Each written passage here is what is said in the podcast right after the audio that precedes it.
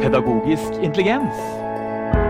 En podkast om kunstig intelligens i skole og undervisning.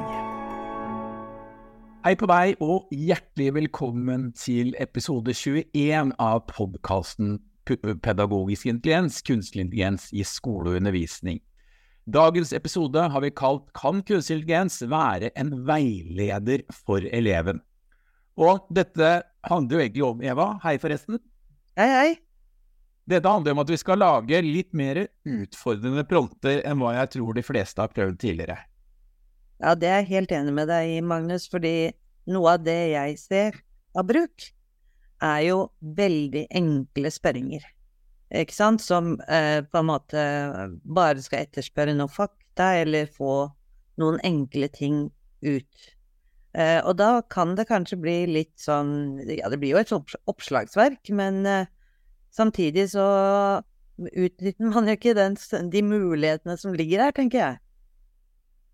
Litt tidligere i høst så oppdaget jeg noen videoer fra en, det jeg tror er en sånn Ivy League-universitet i USA, The Wharton School. Og i en av de episodene de hadde lagd om å lære bort kunstig intelligens, så hadde de lagd et sånt kjempelangt prompt som skulle få eh, ChatGPT eller andre språkmodeller til å oppføre seg som om de var en tutor. Vi har oversatt det til norsk som veileder, da. Eh, og jeg ble egentlig litt bergtatt eh, til å begynne med, eh, og syntes det var kjempespennende. Eh, nå har Eva og jeg vi har oversatt denne pronten til norsk, og så har vi bearbeidet den litt. Eva, eh, noe av det vi hadde problemer med til å begynne med her, det var at uh, han, vi skal jo få denne her nå til å bli en trinnvis veileder. Men uh, vi hadde noen problemer av og til, uh, opplevde vi i hvert fall, med at den på en måte skrev ut hva den ville gjort, istedenfor å, å, å gå i veilederrollen. Ja, og det jeg ser, da, det er jo det at Altså, selv om vi snakker om kunstig intelligens, så er den jo ikke sånn intelligent at den kanskje alltid skjønner eh, ting med en gang. Når man skal lage litt mer sånne komplekse skript eller ledetekster eller prompts, hva man ønsker å kalle det, eh, så må man være pinlig nøyaktig, og det ligner jo faktisk veldig mye på hvordan man jobber med programmering og algoritmer. At man må være helt nøyaktig, for hvis ikke du eh, gir de riktige instruksjonene, så kommer det litt feil ut i andre enden. Og jeg merker også litt forskjell på 3.5 og 4.0-versjonen av ChatGPT her. Fordi jeg ser at 3.5-en føler jeg ofte at eh, jeg må være veldig spesifikk, at den surrer litt mer med akkurat det her enn 4.0, da. Men det kan jo selvfølgelig være tilfeldigheter. Men noe av det som jeg har sett, det er jo det at eh, i Eh, dette, denne ledeteksten som vi har sittet og sett litt på nå, eh, så gir vi jo den beskjed om hva slags eh, på en måte figur den skal være, eller hva slags rolle den skal ha. Her står det jo liksom 'oppfør deg som du er en oppegående, oppmuntrende veileder'. Og så tenker jeg at det er en fin ting. Men mitt tips i tillegg til det her, det er å starte med å fortelle ChatGPT at den i dette tilfellet er en interaktiv tjeneste. Så jeg ville legge inn det i tillegg. Eh, og det har vi ikke gjort i det eksempelet som vi viser i videoutgaven av podkasten ennå. Men det er fullt mulig å gå inn og endre i en sånn ledetekst at nå ønsker vi at du skal være en interaktiv tjeneste. Det må vi sette først. Og kanskje til og med fortelle at det er du, ChatGPT, som skal være det. Ok, vi har denne ledeteksten. Den kommer vi til å dele med deg i bioen til denne episoden, slik at du kan kopiere den og prøve den ut selv. For jeg tror dette her er en veldig interessant opplevelse. Å, å prøve å gå gjennom hele veiledningsseksjonen selv innenfor et tema man er oppegående på, og kan vurdere kvaliteten på svara som kommer fra språkmodellen. Og vi bør også poengtere at vi bruker ChatGPT 4.0 i dette eksempelet. Du kan egentlig bruke både Bing og Bard også, og andre språkmodeller hvis du måtte ønske det med denne pronten. Eva, skal vi starte opp med å lese oss gjennom pronten og fortelle hva beskjeden vi gir til språkmodellen er? Ja. Nå har jo vi gått rett på og sagt, eh, som jeg sa i stad, at det, det oppfører deg som du er en oppegående, oppmuntrende veileder som hjelper elevene med å forstå konsepter ved å forklare ideer og stille spørsmål til elevene. Det er jo på en måte det overordna. Det er her jeg mener at det skal inn. At, at det er en interaktiv tjeneste for at den skal komme. Så start, står det videre start med å introdusere deg selv til studenten som deres AI-veileder, som gjerne hjelper dem med eventuelle spørsmål. Eh, det er jo fint å hilse på hverandre. Eh, og så står det videre still bare ett spørsmål om gangen, for ellers så har den jo en tendens til å dra med seg en hel rad av spørsmål, og det er jo ikke det vi ønsker at man skal gjøre. Og vi sier og vent til elevene skriver inn svaret sitt. Det er noe vi måtte gjøre i forhold til den opprinnelige leddteksten, fordi at den hadde en tendens da bare å forsvinne videre eh, på dette. Ja, akkurat som den selv var eleven, ikke sant. Eh, så bare fortsetter den eh, å liksom bare vise det fram uten å være faktisk interaktiv. Og det er litt det jeg tenker. Få med det interaktive, og få med ett spørsmål om gangen. Så eh, står det at man skal så spørre dem om hva de ønsker å lære, og vente på svar. Eh, og spørre om læringsnivå. Hvor, altså, hvor er du hen? Er du i barneskolen, ungdomsskolen, er du videregående skoleelev, er du høyskolestudent, eller er du en profesjonell? Og vente på svaret. Eh, her eh, skal jo den informasjonen tas med litt senere i denne ledeteksten, fordi at vi ønsker at den skal tilpasse språket til det her. Jeg ser at eh, den har litt problemer med språktilpasninger, så ofte så må man på en måte jobbe litt, grann, kanskje, før man får ut akkurat eh, det språknivået som er ønskelig. Um, og etter å ha fått dette svaret, så står det gitt denne informasjonen, hjelp elevene med å forstå emnet ved å gi forklaringer, eksempler, analogier. Disse bør skreddersys til studentenes læringsnivå og forkunnskaper, eller hva de allerede vet om emnet, eh, står det her.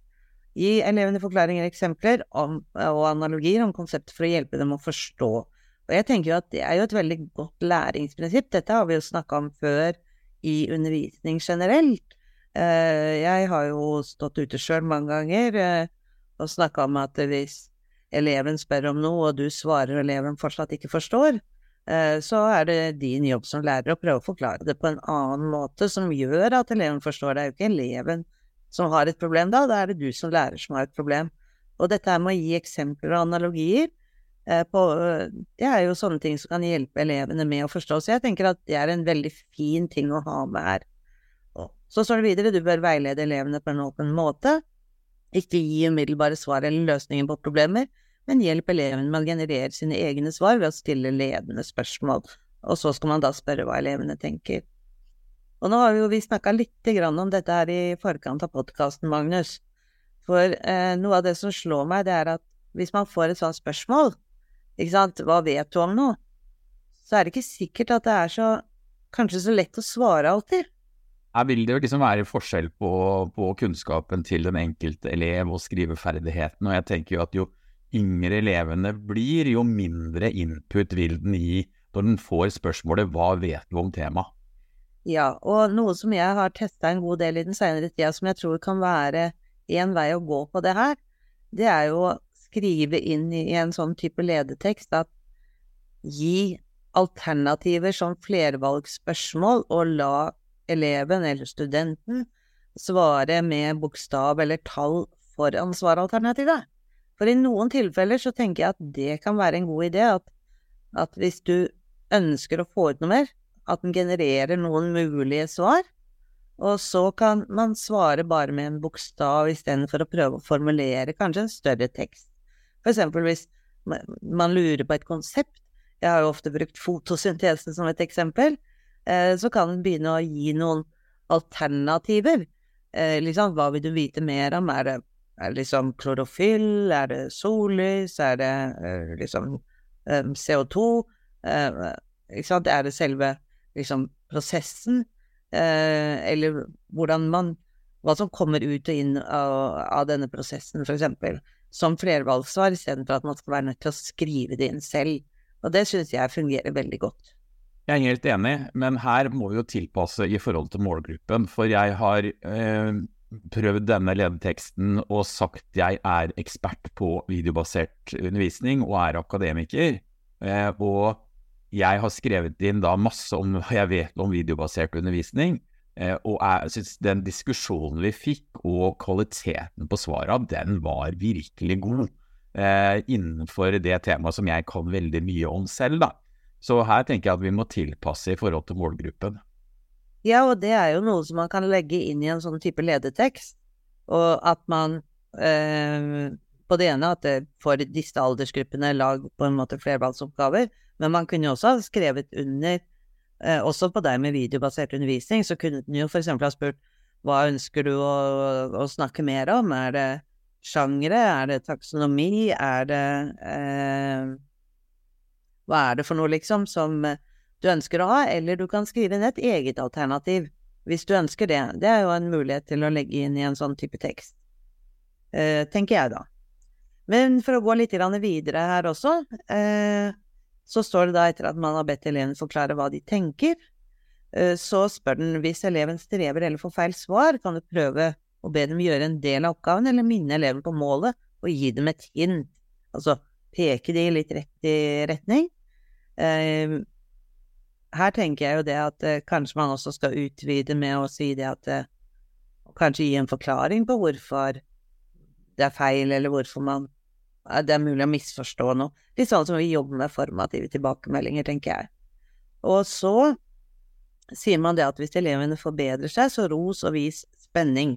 Hvis elevene strever, vær oppmuntrende og gi dem noen ideer å tenke på.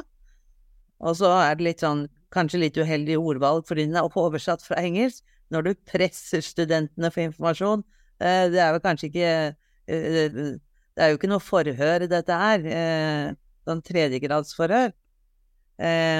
Men Og i hvert fall når du prøver å få ut informasjonen, da, så kan du prøve å avslutte svarene med et spørsmål, sånn at studentene må fortsette å generere ideer.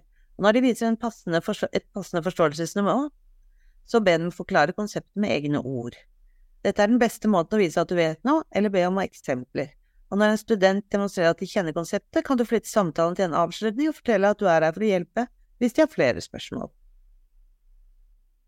Jeg tror vi, dette er spennende, så nå tenkte jeg vi skulle ta e, en demonstrasjon. Vi har altså tatt denne pronten som du kan ta ut fra informasjonsteksten under podkasten og prøve selv. Men la oss gå gjennom dette. Og dette her er jo en podkast som både er på lyd og på video, så hvis du ser videoen, så vil du se demonstrasjonen på skjermen. Nå skal vi prøve å fortelle og lese opp eh, hva den sier for noe til oss.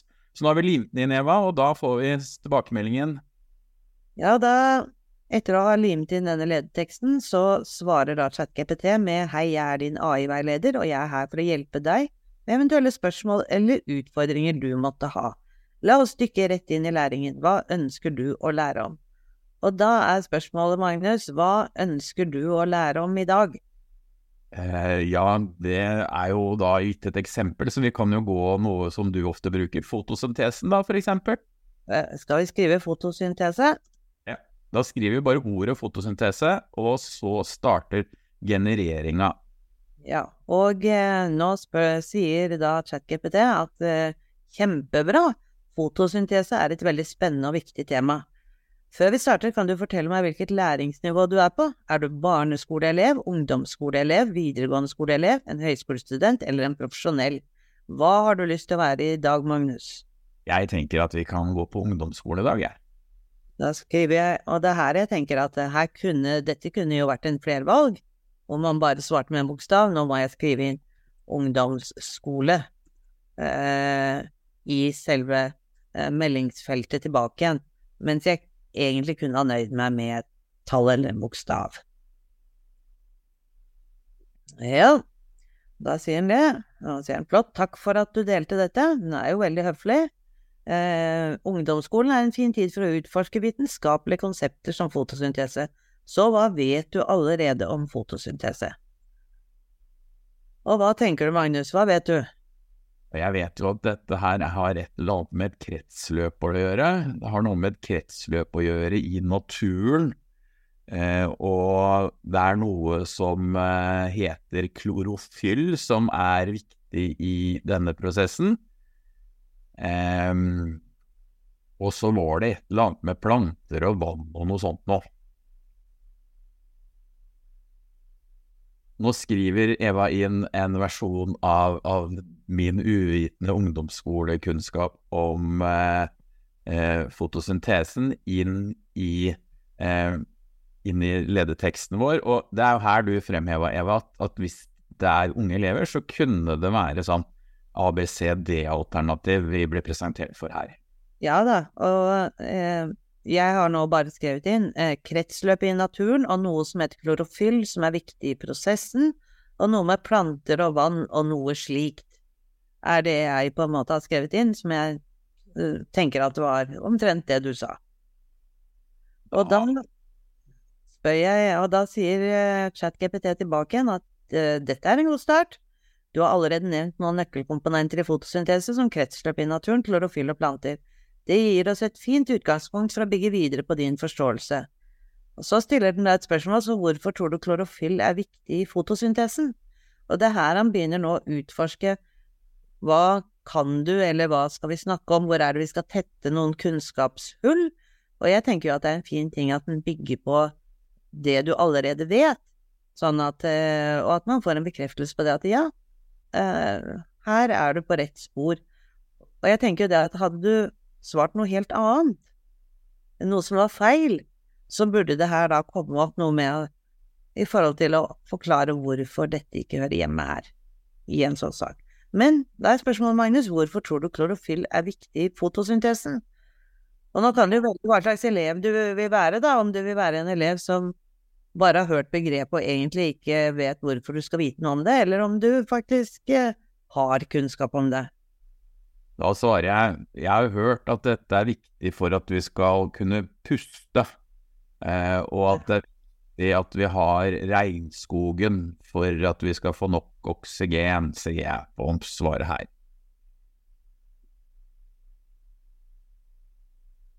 Ja, da skriver jeg inn det er viktig for å kunne puste, og at vi har regnskogen for å få nok oksygen. Det svarer da denne fiktive elev Magnus i dag.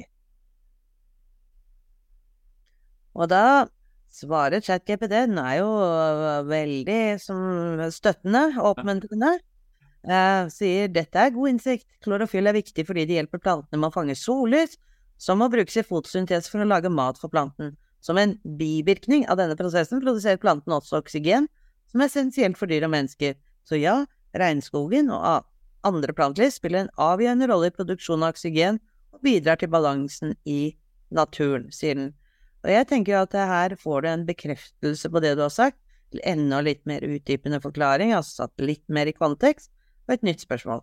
Kan du tenke deg hva formelen for fotosyntese kunne være? spør den nå.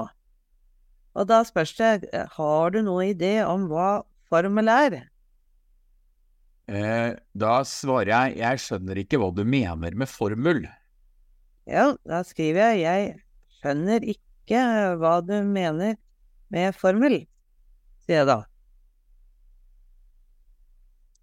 Og da svarer ChatGPT det er ingen problem.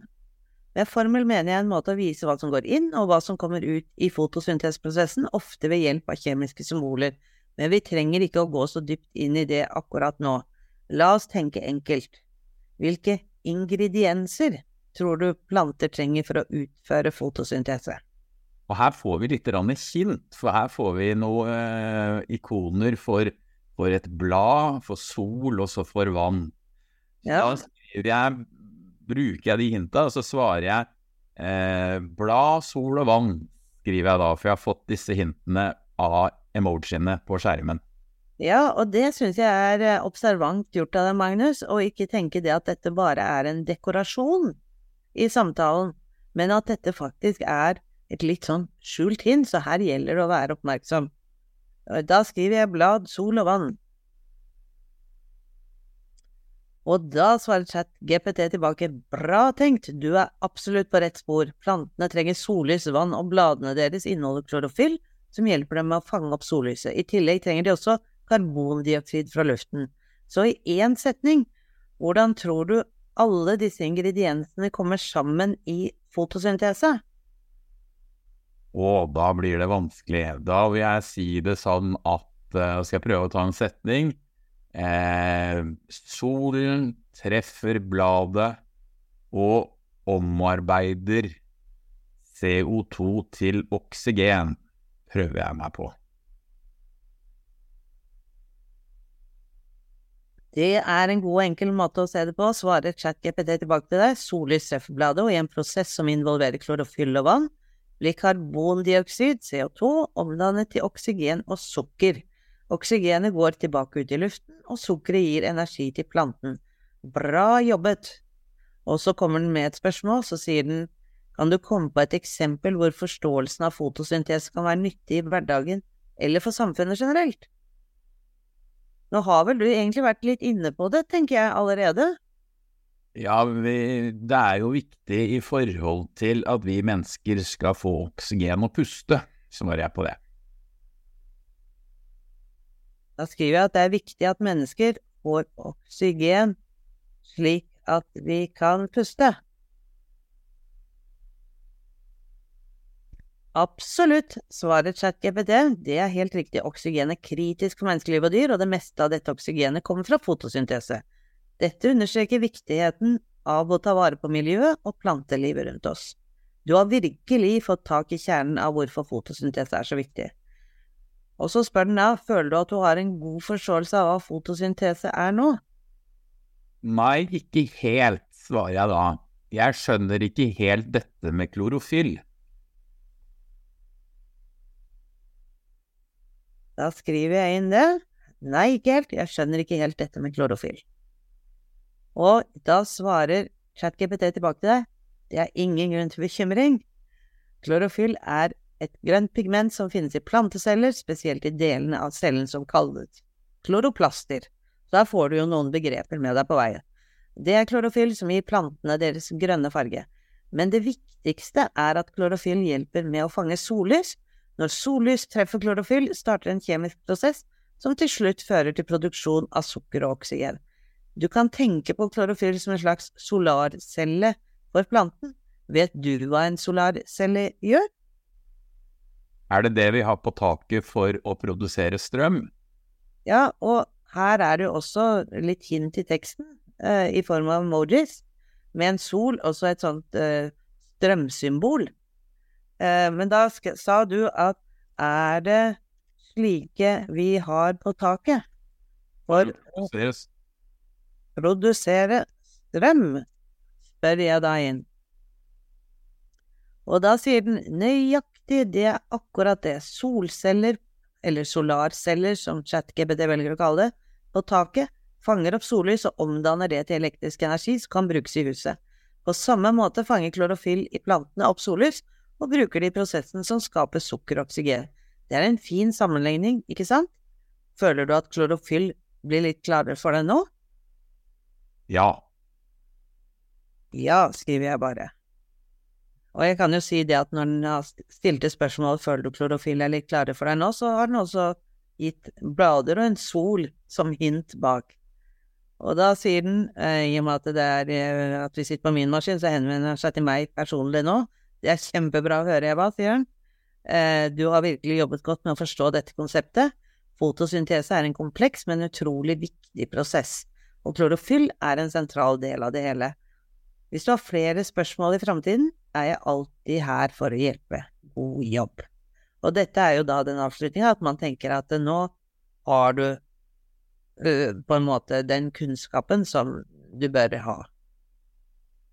Og da er vi på ei veis ende ved denne veiledningssesjonen. Bare en liten digresjon. Eh, Eva, du har jo fortalt din chat-GPT at du heter Eva, så det er derfor den drar inn Ja, jeg har de innstillingene eh, i, min utgave, som jeg jo har fortalt før at jeg betaler for å ha. Og da kan jeg legge inn der en, en uh, biografi på meg, for eksempel hva den skal kalle meg, uh, hva den skal uh,